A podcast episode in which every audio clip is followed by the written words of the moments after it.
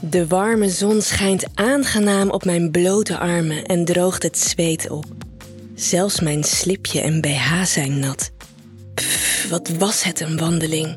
Maar ik heb de top bereikt en nu kijk ik om me heen en word stil van de duizelingwekkende Alpen die de hoogte inreizen. Zo ver het oog reikt, zie ik bergtoppen, steile hellingen en in de verte zelfs nog enkele pieken met sneeuw.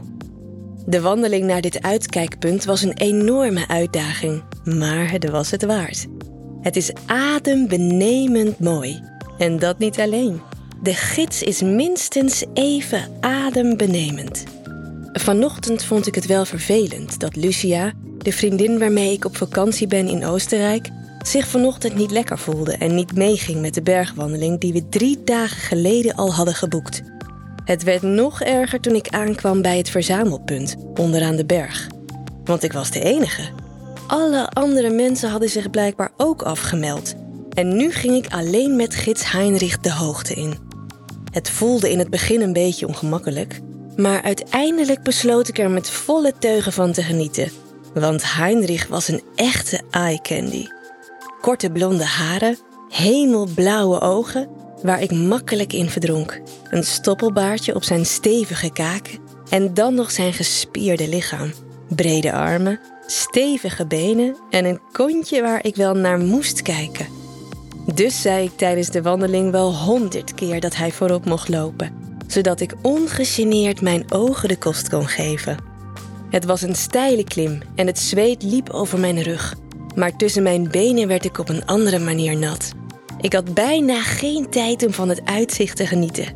De hele tijd staarde ik naar die goed gespierde billen en fantaseerde over hoe Heinrich mij stevig vast zou pakken.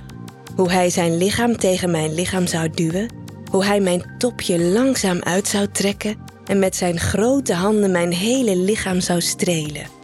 We zijn er bijna, zei hij in gebrekkig Engels, en met een ruk werd ik uit mijn fantasie gehaald.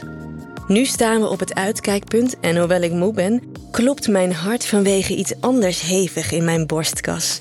Ik merk dat mijn ogen steeds weer afglijden. Van de prachtige bergen naar het nog mooiere lichaam van Heinrich. Hij zet zijn handen in zijn zij, waardoor zijn borstspieren opbollen. Op mijn wangen ontstaan blosjes en een warm gevoel verspreidt zich over mijn borst. Dan zie ik dat Heinrich naar mij kijkt. Heeft hij gezien hoe wellustig ik zijn lichaam observeerde? Hij glimlacht op een ondeugende manier. En ik kan niet anders dan op éénzelfde manier teruglachen. Ik pulk aan mijn haren en sla mijn ogen neer. Prachtig, nietwaar? zegt hij. Ik knik verlegen. Ik weet een nog mooier plekje, gaat hij door. Zal ik het je laten zien? Opnieuw knik ik en laat hem voorgaan, zodat ik zonder zijn weten weer naar hem kan kijken. Ik bijt op mijn lip en kan met moeite een kreun onderdrukken. We wandelen ongeveer 10 minuten en bereiken een riviertje waar we doorheen moeten waden. Voorzichtig, zegt hij en gaat zoals altijd voorop. Het water spat tegen zijn benen en als het zonlicht erop schijnt, straalt zijn huid. Geef me je hand maar, zegt hij als hij aan de overkant is en ik door het water stap. Ik laat me door hem helpen en als ik op de oever sta en hij mij loslaat, raak ik hem heel even aan. Mijn hand glijdt naar beneden en glijdt vlak langs zijn kruis. Hij kleurt rood en zegt iets, maar ik hoor hem niet, want mijn hartslag maakt te veel geluid. Iets verderop komen we bij een houten hek. Eigenlijk mogen we hier niet overheen, zegt hij. Maar verderop is het prachtig. Hij helpt me als ik er overheen klim. En als ik mijn been eroverheen zwaai, houdt hij me vast zodat ik niet val. Net onder de rand van mijn korte broek. Zijn hand brandt op mijn huid en ik doe expres onhandig. Ik wankel en zorg ervoor dat hij denkt dat ik val. Meteen pakt hij mij steviger vast. Zijn andere hand schiet naar mijn zij en hij knijpt in mijn dij. Ik beweeg naar hem toe zodat zijn handen verschuiven. De ene richting mijn bil, de andere richting mijn borst. Oeh, dankjewel, zeg ik met een heese stem. Een paar seconden kijk ik hem strak aan en dan maak ik me van hem los. Lenig beweeg ik me over het hek en kijk vervolgens toe hoe hij er overheen klimt. Alles goed? vraagt hij. Hmm. Ik draai me om en pulk aan mijn haren. Ondertussen zwaai ik met mijn heupen. En omdat Heinrich niet meteen achter me aankomt, weet ik dat hij naar me kijkt. Hoe hij zich verlekkert aan mijn heen en weer bewegende billen. Uiteindelijk hoor ik zijn snelle voetstappen. Hij komt naast me lopen, pakt mijn hand en zegt: Deze kant op. Het laatste stuk lopen we dicht tegen elkaar en bereiken dan een Alpenweide vol met prachtig gekleurde bloemen. De helderblauwe lucht erboven en het fantastische uitzicht maken het compleet. Dit is perfect. Heel even ben ik bevangen door het prachtige landschap, als ik opeens iets voel. Heinrich is achter me gaan staan en raakt me voorzichtig aan. Hij streelt met zijn vingertoppen langs mijn armen en de adem stokt in mijn keel.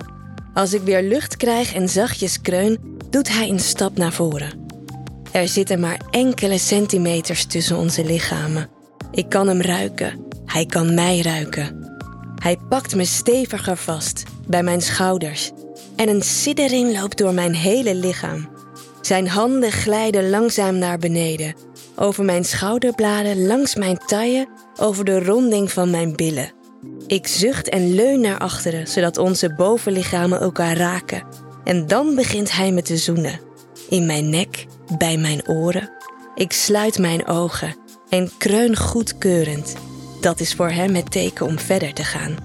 Zijn handen gaan naar boven en naar voren en strelen mijn borsten, liefkozend, teder. Harder, kreun ik. Hij knijpt en masseert. Warme lichtstralen schieten door mijn lichaam.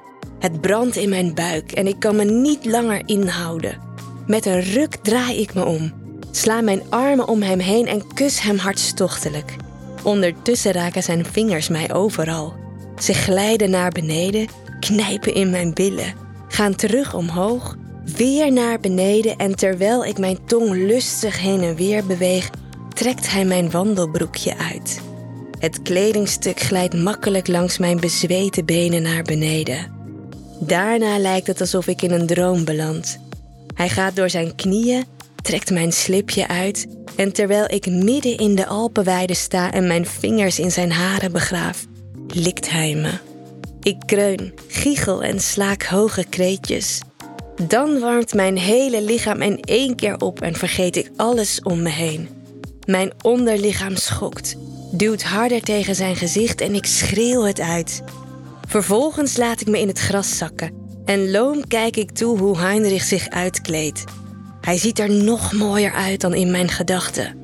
Ik lach als hij tenslotte zijn bokser uittrekt en ik zie hoe opgewonden hij is. Met mijn vinger gebaar ik dat hij bij me moet komen en hij aarzelt geen moment. Ik ga lang uit op mijn rug liggen, sluit mijn ogen en laat het gebeuren.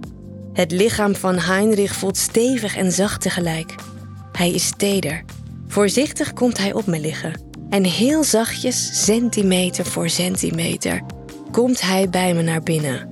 Ik stoot een klank van genot uit en hij beweegt zich zacht op en neer.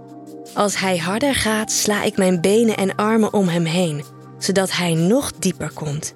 Hij stoot harder, steeds harder en ik gil, want er is toch niemand die ons kan horen. Hij is onvermoeibaar en gaat maar door. Mijn heupen bewegen mee op zijn ritme en ik boor mijn nagels in zijn gespierde rug. Hij kreunt en ik ga door. Ik bijt in zijn oor. Als antwoord stoot hij hard in mij en even verlies ik de controle over mijn hele lichaam. Ga door, fluister ik, en laat mijn hele lichaam ontspannen. Hij mag doen met me wat hij wil. Ik staar naar de prachtig blauwe lucht en laat de golven van genot over mij heen komen terwijl hij hard door blijft stoten. Ik heb zelf niet eens door dat ik diepe geluiden maak.